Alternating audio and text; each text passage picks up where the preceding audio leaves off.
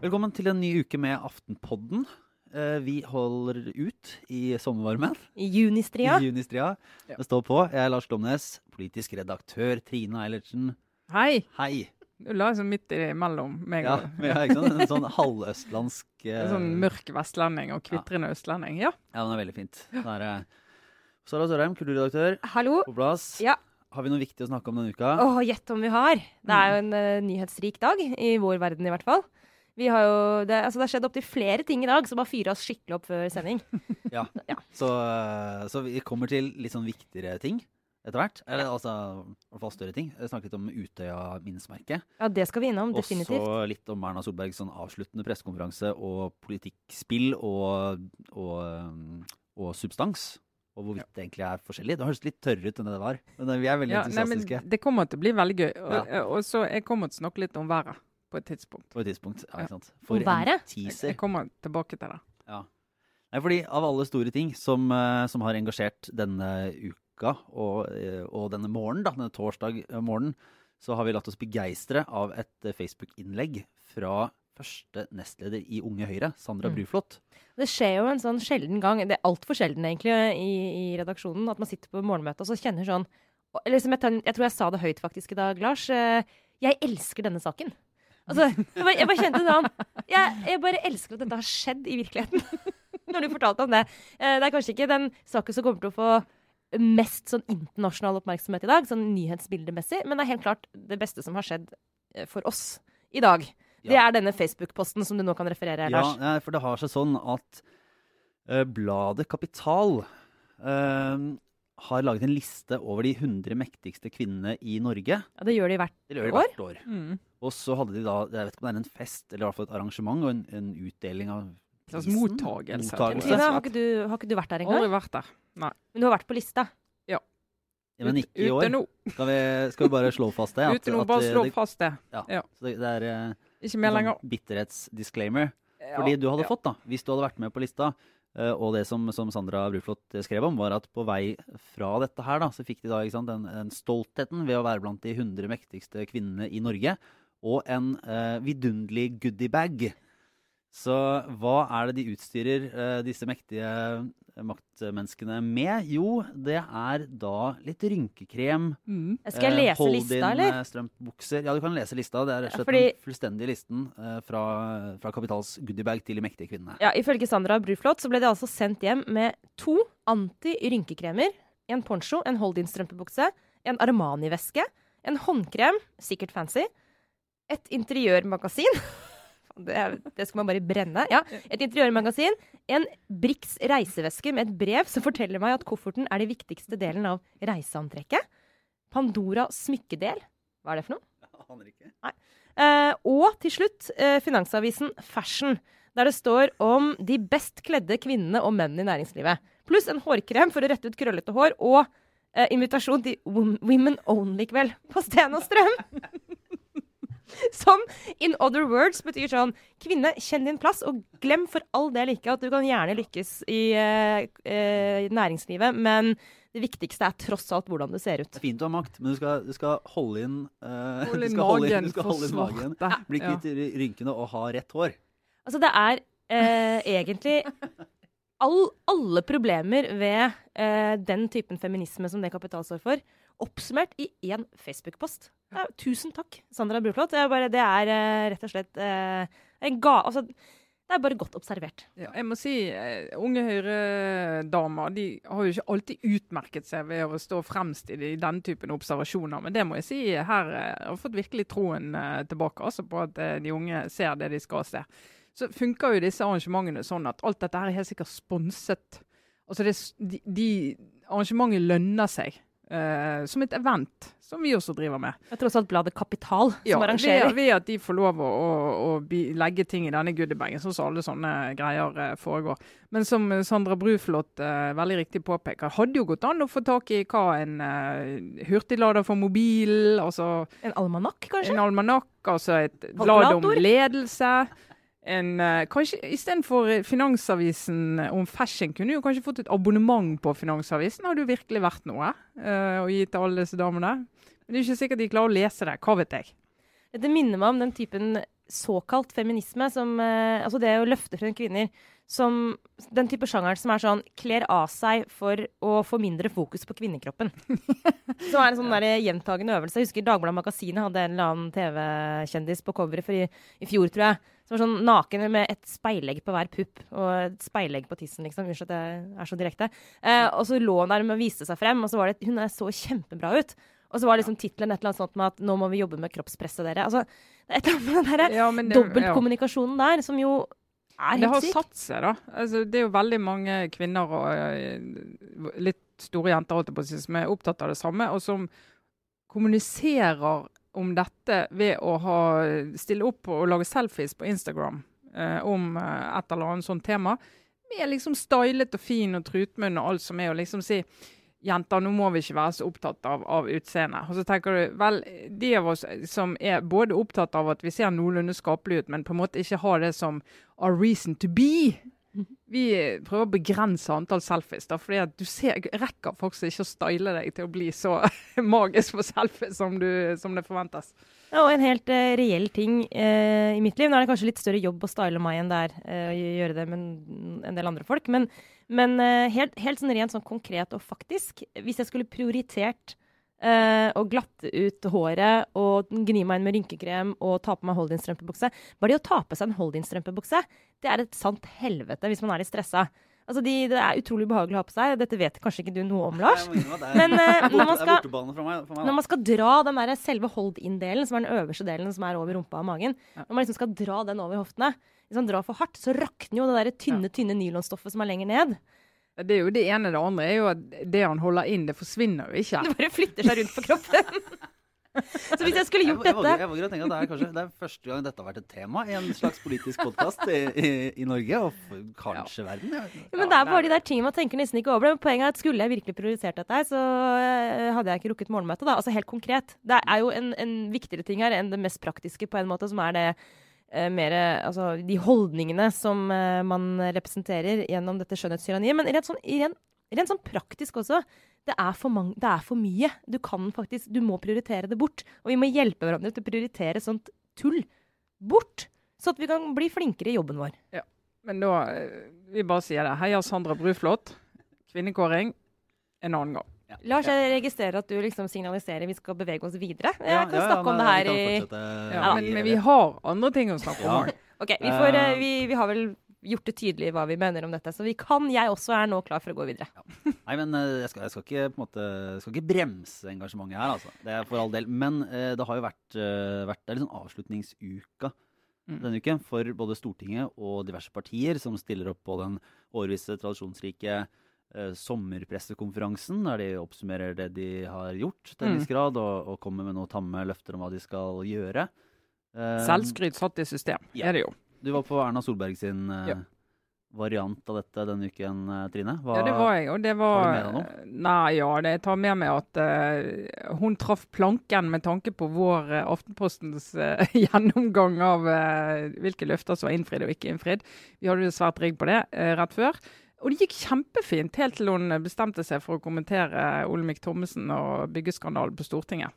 Da klarte hun det kunststykket å liksom vri oppmerksomheten fra hvordan hun som leder har ledet eh, landet gjennom urolige tider og oppfylt masse valgløfter, til å handle om at hun omfavner den politikeren på Stortinget som akkurat nå nesten ingen har tillit til. Hvordan så Sigbjørn Aanes ut i fjeset når han gjorde det? Han hadde solbriller på, men uh, jeg tar for gitt at vi hører fra han etter sending. Så får vi, kanskje vi kan ta en terapitime med han. Hun burde bare ha latt den saken gå forbi stillhet? Jeg skjønner eller? ikke hvorfor hun gjorde det. Jeg skjønner ikke hvorfor hun bare sa dette, det er stortingsgruppen som forholder seg til dette. og, eh, og bare tatt sånn, Det er vanskelig å avveining og før og nå, men nå må vi gå videre. Ja. Altså. Men hun virke, gikk virkelig ut, så det virker som hun hadde en plan, nesten.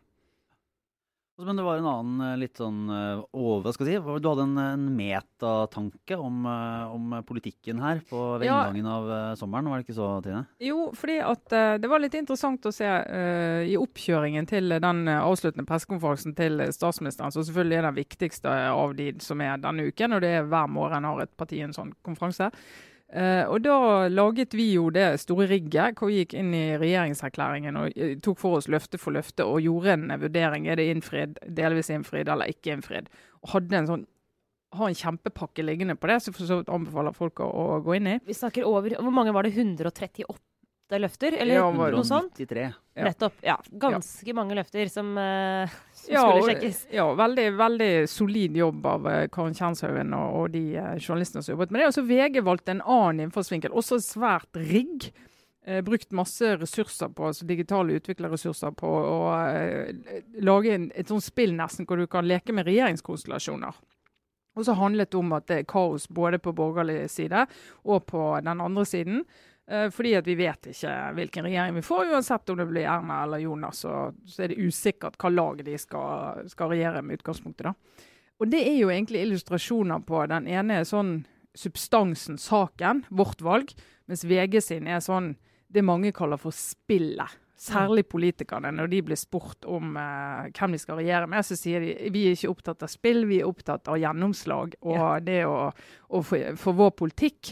Uh, og vi får vente til etter valget med å finne ut av hvem vi skal regjere med. Og den motsetningen der, mm. den må dø. Den må dø.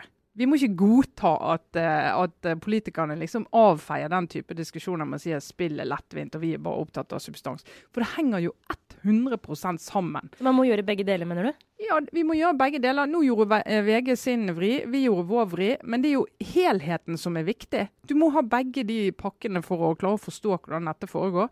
Du må forstå den såkalte spillbiten for å skjønne hvorfor noen regjeringserklæringsløfter er grønne, noen ble røde, noen er nesten innfridd. Altså, du klarer ikke å forstå det hvis ikke du vet noe om hvordan eh, de styrer sammen Det er interessant å se. De, de løftene som, som, Aftenposten gikk gjennom, var de fra Sundvolden-erklæringen, som også var de som ble gitt av alle de fire samarbeidspartiene. Um, og det er jo selvfølgelig det er veldig interessant å, å se på det, men, uh, men, det vil jo også være interessant å gå lenger tilbake til valgkampen, da, som vi nå er i ferd med å gå inn i for alvor og se på hvilke løfter som ble gitt uh, av de enkelte partiene. For de var jo da mye tydeligere. Uh, og sånn sett så kan de som sier at nei, jeg er ikke så opptatt av spill, eller vi skal ikke tenke på samarbeid, vi skal tenke på politikk. Mm. Ja ja, men de løftene som kom i valgkampen i 2013, uh, eh, de ble jo vant ut allerede i da september-oktober samme år fordi de ulike partiene skulle samarbeide med hverandre. Og da er det jo helt avgjørende å se hvilken, hvilken retning det går i. da, Og så må man det har litt å si om ja, om uh, hvilke partier man skal samarbeide med for hvilke løfter som blir satt til side, og hvilke som blir styrka. Ja, det er en rolle for journalistikken òg. Sånn, det er nettopp den kombinasjonen. Og også eh, bidra til å få våre lesere til å forstå også hvilke løfter som helt åpenbart er urealistiske. Kanskje ikke fordi ikke det partiet som kommer med løftet nettopp altså, Ja, greit nok, de stiller seg bak det, men det er helt usannsynlig at det skal være mulig å få gjennom i en, i en konstellasjon. Å skille mellom da, løfter som er eh, sannsynlig at er mulig å få gjennomført i en regjeringskonstellasjon, og de som ikke er det, er jo en, en sentral del av den politiske journalistikken. Ja, helt. Og jeg husker Senterpartiet ble så utrolig lei av da de satt i regjering sist, at de fikk kjeft for at altså De gikk jo til valg på 2005 at de skulle flytte ut 6000 statlige arbeidsplasser fra Oslo. Og i eh, regjeringsforhandlingene med SV og Arbeiderpartiet så ble det lagt vekk i praksis. Eh, og så fikk de masse sånn, ble møtt med det hele veien gjennom eh, regjeringsårene. At eh, Senterpartiet klarer ikke det engang og får ikke gjort en ting. og de ble liksom blant, jeg tror, altså, Som kommentator må du på et tidspunkt si at ja, men det ble forhandlet vekk i eh, regjeringsforhandlingene. Det er ikke vits å plage de med det, for det er en ikke-sagt. Litt sånn som Frp og bompenger. Mm. Altså De gikk til valg på det, men det forsvant i den forhandlingen. Men da, når politikerne neste gang sier at eh, hvorfor er dere så opptatt av spill, og hvorfor er dere så opptatt av hvem skal regjere sammen, da er det sånn Jo, det er vi. For det får direkte konsekvenser for hva politikk velgerne får uh, dagen etter valget. Men samtidig, jeg har faktisk en viss forståelse for at altså, Uh, nå er det helt logisk at vi snakker om konstellasjonene, men det er klart, uh, det er nok en tendens Vi som kanskje følger litt mer ekstra med på, på politikerne, også sånn alt som altså personkjemi, kjemi, hva det hviskes og tiskes om i gangene her og der på Stortinget og rundt omkring. Altså ha litt sånn egentlig, egentlig bare litt sånn generell glede av å bare vite ting om hva som skjer uh, behind the scenes, har en sånn tendens til å begynne å spekulere i uh, tenkte eller uh, utenkelige konstellasjoner. sånn type med, altså, med en gang et, et, en ny regjering er satt, så begynner vi å spekulere i neste. Mm. Og, og, jeg kan forstå faktisk en sånn irritasjon over at en samlet mediebransje er for opptatt av det gjennom liksom fire år. Men, men det som er problemet vårt, hvis vi skal ta et halvt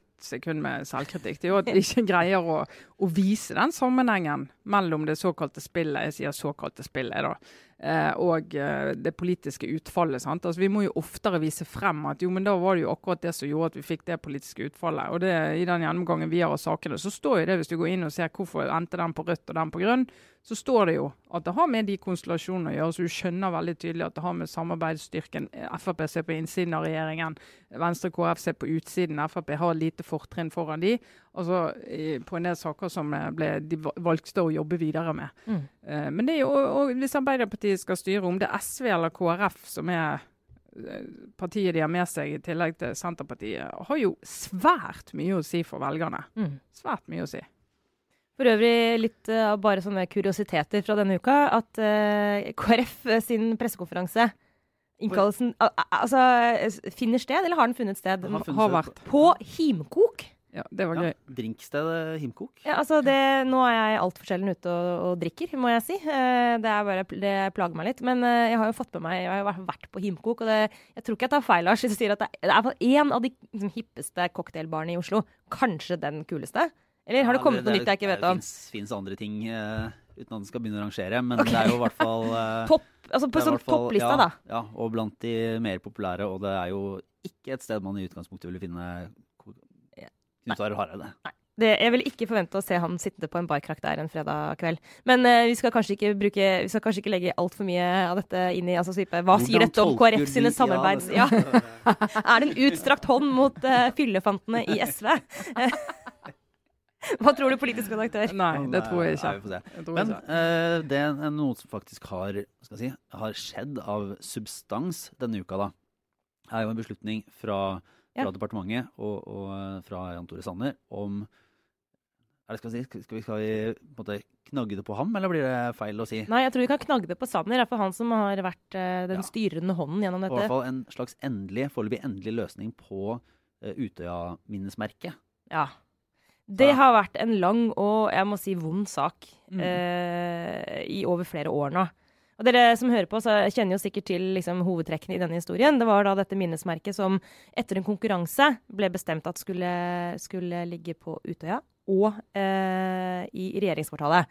Et to, faktisk tredelt kunstprosjekt eh, hvor eh, konkurranse Altså, eh, oppdraget eh, var å lage noe hvor man både pårørende, eh, familie, men egentlig alle vi som, som, har behov for å gå og ha et sted å samles for å bearbeide sorgen etter 22. juli, lage et sånt minnested.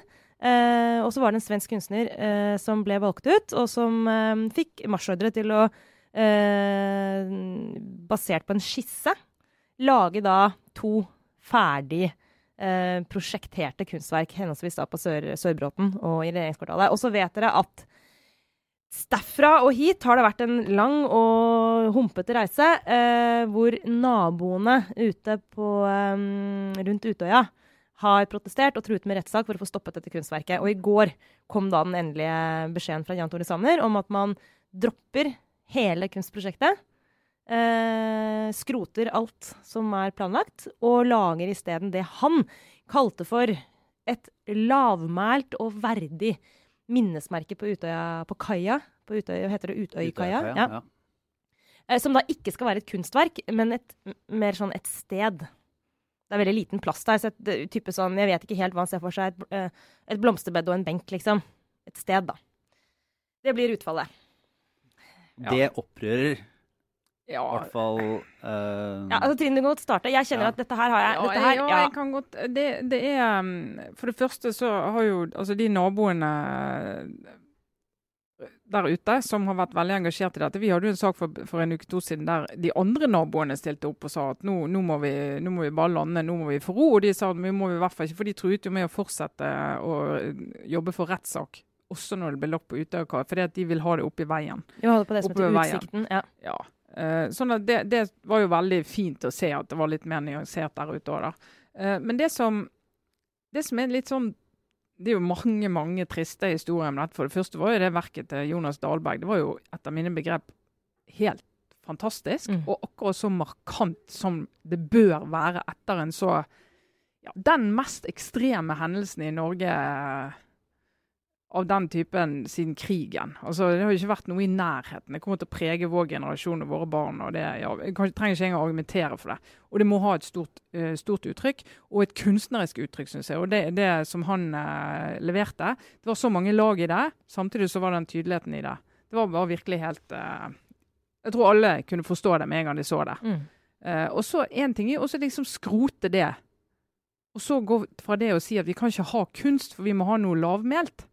Da syns jeg du minimerer eh, dramaet. Du minimerer det det skal være. Og du, du sier ikke at, dette, at du tør å la en kunstner gå i gang med å lage et uttrykk for eh, dette ekstreme Mm. minnet som dette er og skal være for, eh, for oss. da. Det syns jeg er stort nederlag. Jeg Stort nederlag. det, det provoserer meg faktisk på sånn ordentlig. Fordi jeg, jeg, si, jeg, jeg syns faktisk det er en skikkelig feig avgjørelse.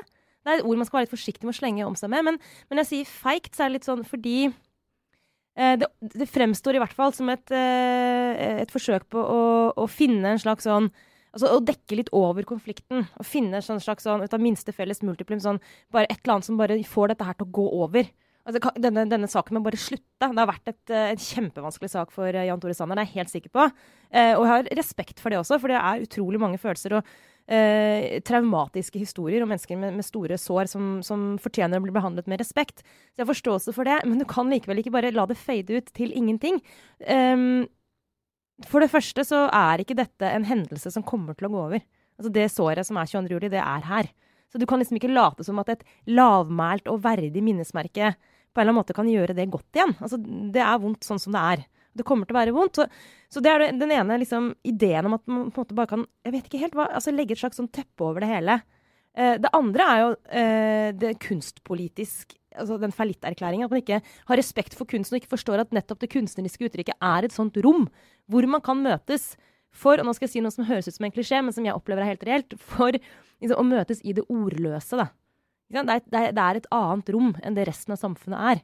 Det er noe kunsten kan skape, som, som ikke er så lett å få til på andre måter. Og en ting er at Jan Tore Sanner ikke forstår det. Han er eh, for så vidt heller ikke en person som er satt til eh, jorden for å forvalte et kunstuttrykk. Eh, heldigvis. Men eh, kulturministeren vår, Linda Hofstad Helleland, hallo! Hvor er hun? Dette er helt utrolig at hun tilsynelatende, hvis ikke det er noe jeg har misforstått her, har bare sittet og se på at det har skjedd. Mm. Jeg kan ikke forstå det. Det er faktisk en kunst, kulturpolitisk skandale. Mener du at burde, Hvordan kunne prosessen vært annerledes? Skulle man bare sagt til, til disse naboene litt mer sånn Vet du hva?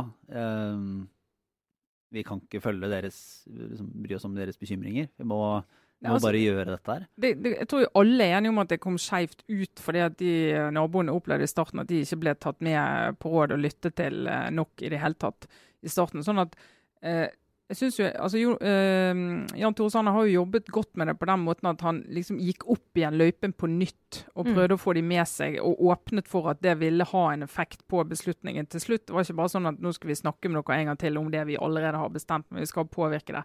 Og eh, landet jo da på at vi skal ikke ha skal ikke ha det opprinnelige stedet for minnesverket, for de naboene vil ikke stå og se på det, og det er store sår i naturen. og eh, som, de, som de opplevde det som, eh, og flyttet det. Eh, og, og, og vi skrev jo på lederplass òg at eh, når- det har gått så galt og det er blitt så harde fronter og liksom gått så langt, så det, må vi snart få satt strek, og da må vi lande, og da må det, må det, får det bli der. Selv om det er jo ikke optimalt. Men det er ikke optimalt for noen. Men det, sånne saker som kommer på den måten, nå må du ha et kompromiss som sånn passe greit for alle. Og så må vi stoppe. Men liksom fra det til å nedlegge kunstbiten av det, Mm. og til å gjøre det til Altså, jeg tror Jeg tror ikke jeg kjenner noen som ikke har grått pga. Utøya. Altså Om de har kjent eh, mennesker, mistet mennesker der, de har selvfølgelig grått mest. Men alle er berørt av det. Og det er jo litt det som gjør dette minnesmerket til noe annet enn F.eks. Ja, hvis du kjører ned Måbødaltunnelen på Vestlandet, der det var en bussulykke der en haug med skolebarn ble drept eh, for eh, vel 25 år siden. så er det et minnesmerke der som jeg tror er, som er ganske sånn verdig og lavmælt, og der de pårørende kan komme og minnes at her mistet jeg barnet mitt. Utrolig viktig å ha den type minnesmerker. Dette minnesmerket angår langt, langt flere, og må ha et uttrykk som signaliserer det. For det er en nasjonal katastrofe. Det er ikke bare for de pårørende. Og det mener jeg nå at de er i ferd med å redusere det til. Mm. Og de pårørende hadde fortjent mer og bedre. Og det er jo også da eh, et litt sånn Et element der som jeg gjerne nå eh, jeg håper å få vite litt mer om, det er jo også det minnesmerket som var planlagt i regjeringskvartalet. For som Trine sier, så eh, Den nasjonale tragedien som også Altså, jeg har også behov for et sted å gå. Jeg går noen ganger til um, 22. juli-senteret i liksom, det utbomba regjeringskvartalet rett ved siden av her hvor vi har uh, vår redaksjon. Uh, det hender jeg går dit. Jeg må innrømme at det tok lang tid før jeg gikk dit. Uh, men det føltes veldig godt å være der, inni det, der hvor det er fortsatt er en utstilling med, mm, du, med, litt, med bilder og med noen historier fra 22. juli. Men, men, for så vidt også så er hele denne fasaden til Høyblokka i seg selv Det er på en måte et slags minnesmerke der det står og minner oss om det som skjedde. Og det er helt sånn, Vi har ikke noe ønske om at, det, at jeg ikke skal bli minnet om det som skjedde, fordi det er med oss uansett. Og jeg forventer også en, en altså i den i regjeringskvartalet det er det, det er det tydeligste bildet på det offisielle Norge. Eh, der bør det være et minnesmerke for oss alle som, som, om den dagen. Eh, de planene som forelå eh, for det minnesmerket, som også skulle um, skapes av samme kunstner det var, det var, en tos, tosidighet her. Det var det minnesmerket på Utøya og minnesmerket her i regjeringskvartalet. Som det også nå er slått en strek over.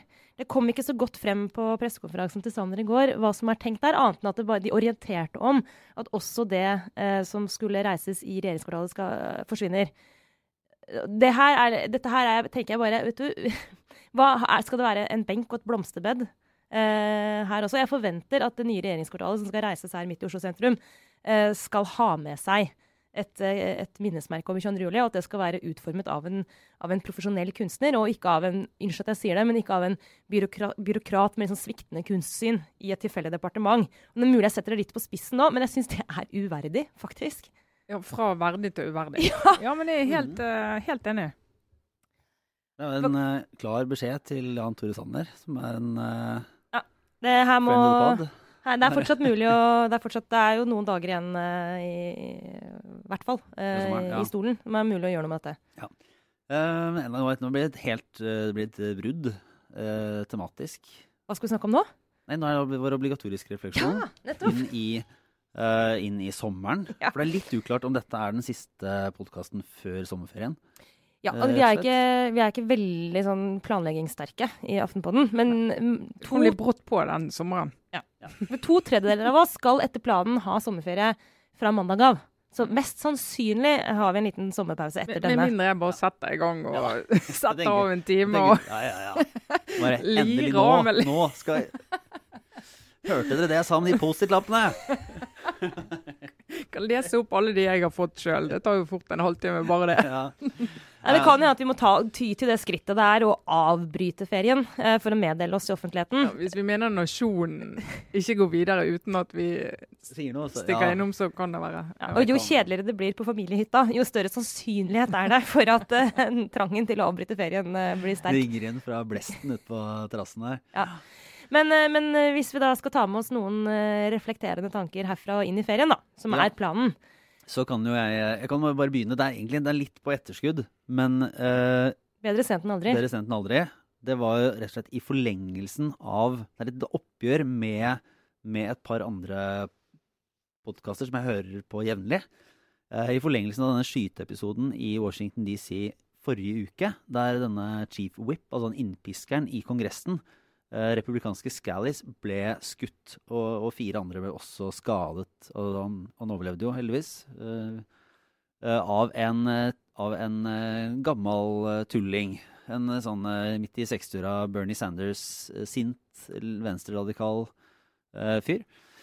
Men jeg bare, når jeg hørte på analysen fra en del av disse litt ja, tydelig demokrat representantene, da, bl.a. i, i, i Pod Save America og Slate Gabfest, og så egentlig analysen fra flere av de tydelige venstresidefolka, så ble jeg så utrolig provosert. For jeg syns herlighet, nå har de gått og prata om hvordan ord betyr så mye, om å si de riktige tingene. om Man skal ikke oppfordre eller si noe som kan oppfattes som en oppfordring til vold eller til urettferdighet eller noe som helst.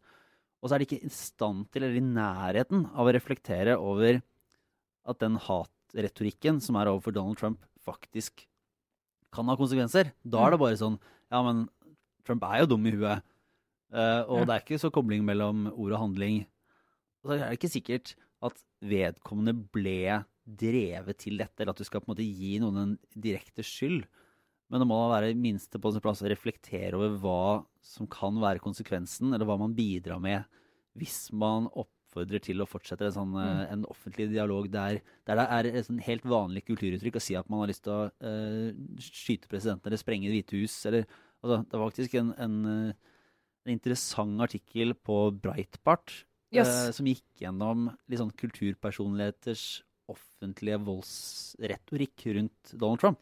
Vi kan jo huske på hva altså Hvis dere tenker tilbake på valgkampen, den uh, utrolig uh, umusikalske og kjipe uttalelsen fra Trump selv når han uh, snakket om dette med våpenrettigheter.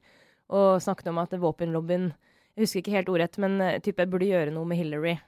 Husker dere den? Mm. Det glapp liksom ut av han, som du kunne mellom linjene lese som at kanskje noen her skal ta ansvar og fjerne Hillary, liksom. Altså det var en sånn som jo med rette ble sterkt kritisert av mange mennesker som eh, ikke burde la være å kritisere når noen kommer med lignende uttrykk med, motsatt politisk korttegn. Det har virkelig ingenting å si.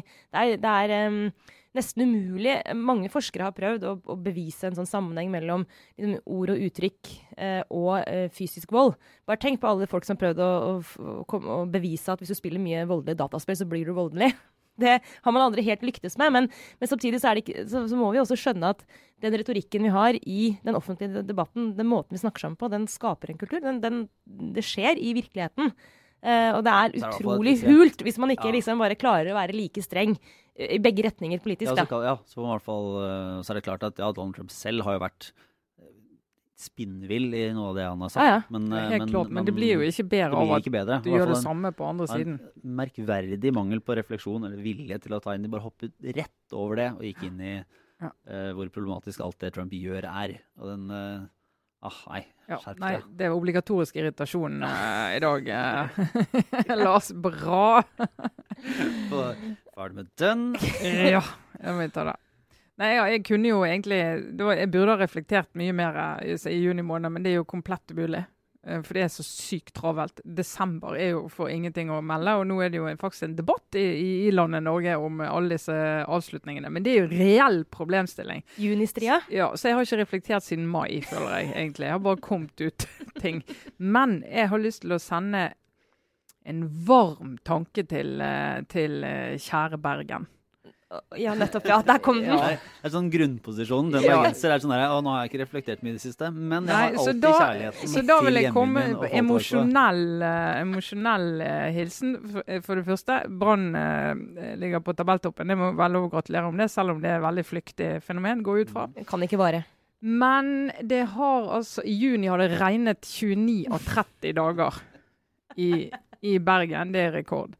Men det som er så vakkert, da det som er så vakkert, for det, jeg vet ikke hvordan det ville gått med dere hvis dere skulle i Oslo oppleve at det hadde regnet 29 av 30 dager. Ikke bra. To ting er vakkert. og En er at min gamle avis Bergens Tidende gjør det Bergens Tidende skal gjøre. De løfter opp saken. Det er snart rekord. Vi når snart en ny rekord. Og så feirer vi hvis vi klarer 30 av 30 dager. Det er liksom wow! Topp greier. Og det andre er at når solen da først kommer, så kommer bergenserne til å være all over the place. Helt, helt Italia. Fullstendig Italia. Det kommer til å være også lykkerus i den byen. Prosecco på jobb, liksom. Ja. Så jeg vil sende en eh, hilsen til de og bare si uh, all, all, all empati herfra. Og jeg gleder meg til å treffe folk i sommer. Og da regner jeg med at det regner kanskje helt sikkert annenhver dag, men kanskje ikke hver dag. Det burde være en sånn, Hvis den får den rekorden, så burde alle få en sånn i Bergen burde få en, en fridag. Som bare ligger som staten tar ansvar. Bare sånn her, etter, ok, Nå har fått en hel måned med regn, det kommer sol. Da sier vi bare Nei. Skal jeg si hva de skal si hva de, skal si hva de skal få? Skal få en togbillett til Oslo. Skal si Sett deg på denne. Her er redningsplanka di. Kom deg til Østlandet. Hvis ikke du gjør det, save yourself. Vi kan ikke hjelpe dere er hvis dere velger å bo i Bergen. Ute I hagen i går så møtte vi naboen. Da hadde gitt begge guttene en is. en kronis etter middag, og så møtte vi naboen, og så sier han det var is på en onsdag', sier han. Litt sånn. OK, det er uh, er- levemagnet, kan Ja, si. og så, og så sier jeg men jeg kommer fra en del av landet der vi feirer soldager med is. Og det gjør jeg. Altså, Du spiser is når det er sol. Jeg mener, Hvis ikke du skal spise det da, får, får du ikke spist is. Du spiser is hver dag det er sol. og Det er klart, Hjemme hos oss blir det mye is. Det gjør det. Guttene er veldig happy med det. Men eh, det blir mye is hjemme hos oss. Ja. Nei, jeg, eh, nei bare, nå satt jeg og tenkte på identitet, og den, eh, den kjærligheten din til Vestland og Bergen, Trine, den er altså helt eh, Den er, kan jeg bare bekrefte at for alle er veldig reell. Og hvis noen skulle tvile på det Jeg merker at du er jo veldig har mye Altså, du kan tøyse med alt, tror jeg. Men ikke det. det har, min, for jeg passer meg litt med å tøyse med det. Jeg For har, jeg har sjølironi på det, så Det vil jeg Har du? påstå. Alle, hvis ikke overlever du Ikke ikke, på vestpå.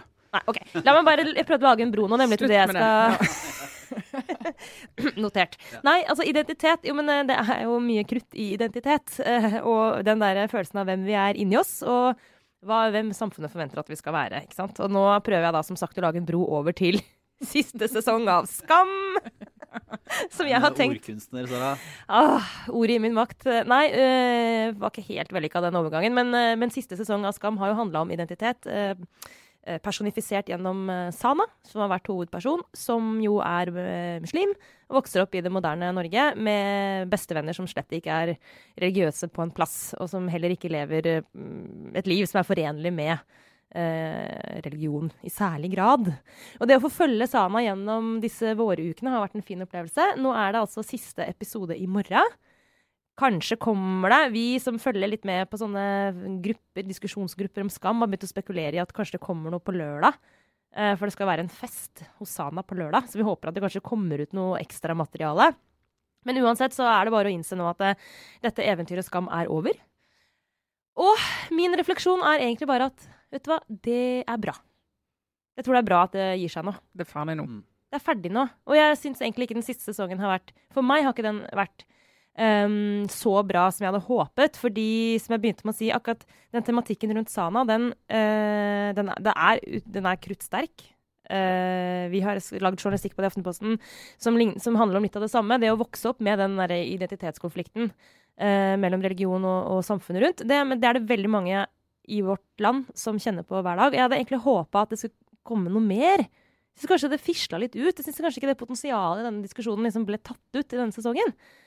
Ehm, kanskje er det fordi at realistisk, det, realismen i det er at det er egentlig ikke noe som unge jenter på 17 år kanskje artikulerer så mye likevel. Det er kanskje mer en sånn indre ting. Men det har vært veldig mye indre monolog denne sesongen. Veldig mange sånne scener der man ser ansikt og tanker som foregår bak.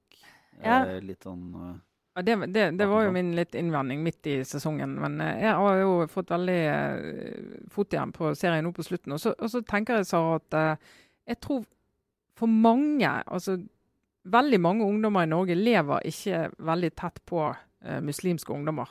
I Oslo gjør mange det, Mm. men i deler av Oslo gjør ingen det.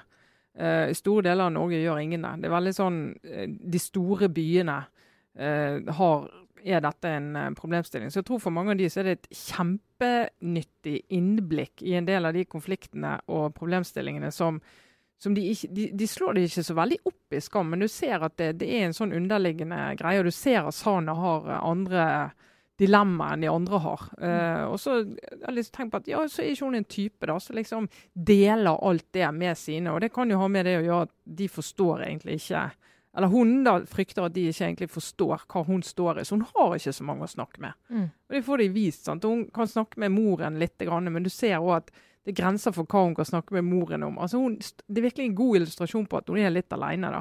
Jeg syns det har vært litt sånn, eh, litt fint å se på. Jeg litt, liksom, ja, ja. den første, jeg synes den nesten den, Jeg likte den første sesongen veldig godt. Fordi den var så hverdagslig, og det var så veldig gjenkjennelig. Og det var ikke noe sånn stort drama eller en veldig moralsk fortelling. Og så syns jeg det var litt sånn Det var jo gripende de sesongene imellom, men jeg frykta at den siste sesongen skulle bli ekstremt sånn Nå skal vi ta opp et problem, og så skal vi krysse av disse tingene på lista. Ja. Uh, og så skal alle lære uh, A, B, C. Jeg, synes, jeg liker egentlig at den har vært litt sånn Litt hverdagslig. Ikke Ja. helt sånn uh, superdramatisk. ja, kanskje Men jeg er helt enig i at nå er det antageligvis nok. Men For, Skam the movie Ja. kan jo komme. Det Nå- gjør jo ofte det etter sånne serier. Det håper jeg så håper ikke inderlig at det ikke skal skje. At det ikke skal skje? Ja. Nei, først skal vi se fram til Shame. Eh, det Ja. som skjer, etter all sannsynlighet, er jo den amerikanske utgaven av Skam. Det kan jo bli det kulturproduktet fra dette landet her som eh, gjør størst suksess. Endelig kanskje vi kan få eh, vår ABBA. Sant? Mm. Et sånt eh, norsk kulturprodukt som bare ruler verden. Ja, det, det, bare, det, det, jeg tenker sånn, det håper jeg at skjer. Jeg håper at Trump går av som president, og så håper jeg at eh, Shame blir en gigantisk suksess, og at Julie Anden får en Oscar. Da er jeg fornøyd. Det, det må neste år levere. Liten, eh, liten ønskeliste der. Ja, eh, nei, men eh, Da runder vi vel av for denne uken, rett og slett. Potensielt for vårsesongen. Vi har jo aldri tatt sommerferie før, har vi det? Nei. Nei, veldig sånn sporadisk sommerferie. Ja. Så det kan jo hende at vi dukker opp. Vi kommer til å være aktive, i hvert fall så langt vi klarer, på Facebook-siden vår. Så skriv meldinger til oss. Og det er veldig hyggelig med alle dere som skriver til oss. Jeg tror ikke vi har sagt det sånn ordentlig før, men det er noen som sender oss meldinger på Facebook. Vi leser alle. Ja, det gjør vi. Vi har en litt sånn rar arbeidsfordeling når det gjelder hvem som svarer, men det er stort sett Lars som tar Det ansvar. er Men veldig tilfeldig. det hender jeg og Trine å svare, men vi leser alt. Og vi prøver å svare på alt, så fortsett å komme med innspill. Så deler vi eh, ting som vi syns er interessant, og det kommer vi til å gjøre. Ja. Og den eh, Det Aftenpodden-chatten vår kommer også til å fortsette. Ja. Uh, Og så kommer vi ufattelig sterkt tilbake over sommeren uansett. ja, vi kan jo bare uh, advare om at det blir uh, Det trappes opp kraftig fra, fra høsten av. Så Ja. da blir det blir mange spennende ting. I forbindelse med valget så har vi tenkt til å prøve å legge ned et ekte arbeidslag for å informere dere kjære lyttere om hva som foregår. eh, Vi kan ikke si at vi skal være på lufta daglig, men vi kan si at vi har ambisjoner om å, om å levere ganske mye. Perioder kan det Perioder daglig. at vi kommer til å Og så være skal vi til Vi kan vel nesten Vi kan, ja, vi kan si det her. Altså, hvis, vi, hvis det ikke skulle skje, så får det heller bare være. Men vi har en virkelig konkret plan om å være i Bergen 8.9. Mm. og i Tromsø 29. august. Og i Arendal hele Arendalsuka. Mm. Ja, Med og to i Trondheim, sendinger. Ja, og i Trondheim på et tidspunkt. Og så ser vi om vi kan få til noe i Oslo. Ja. For det skulle egentlig bare mangle. Vel, velkommen. Og Ja. god sommer. Ja. Det er veldig, veldig bra. Det er, ja, men så takker vi for oss, rett og slett. Trine Eilertsen, Sara Sørheim, jeg er Lars Lomnes. Ha det bra.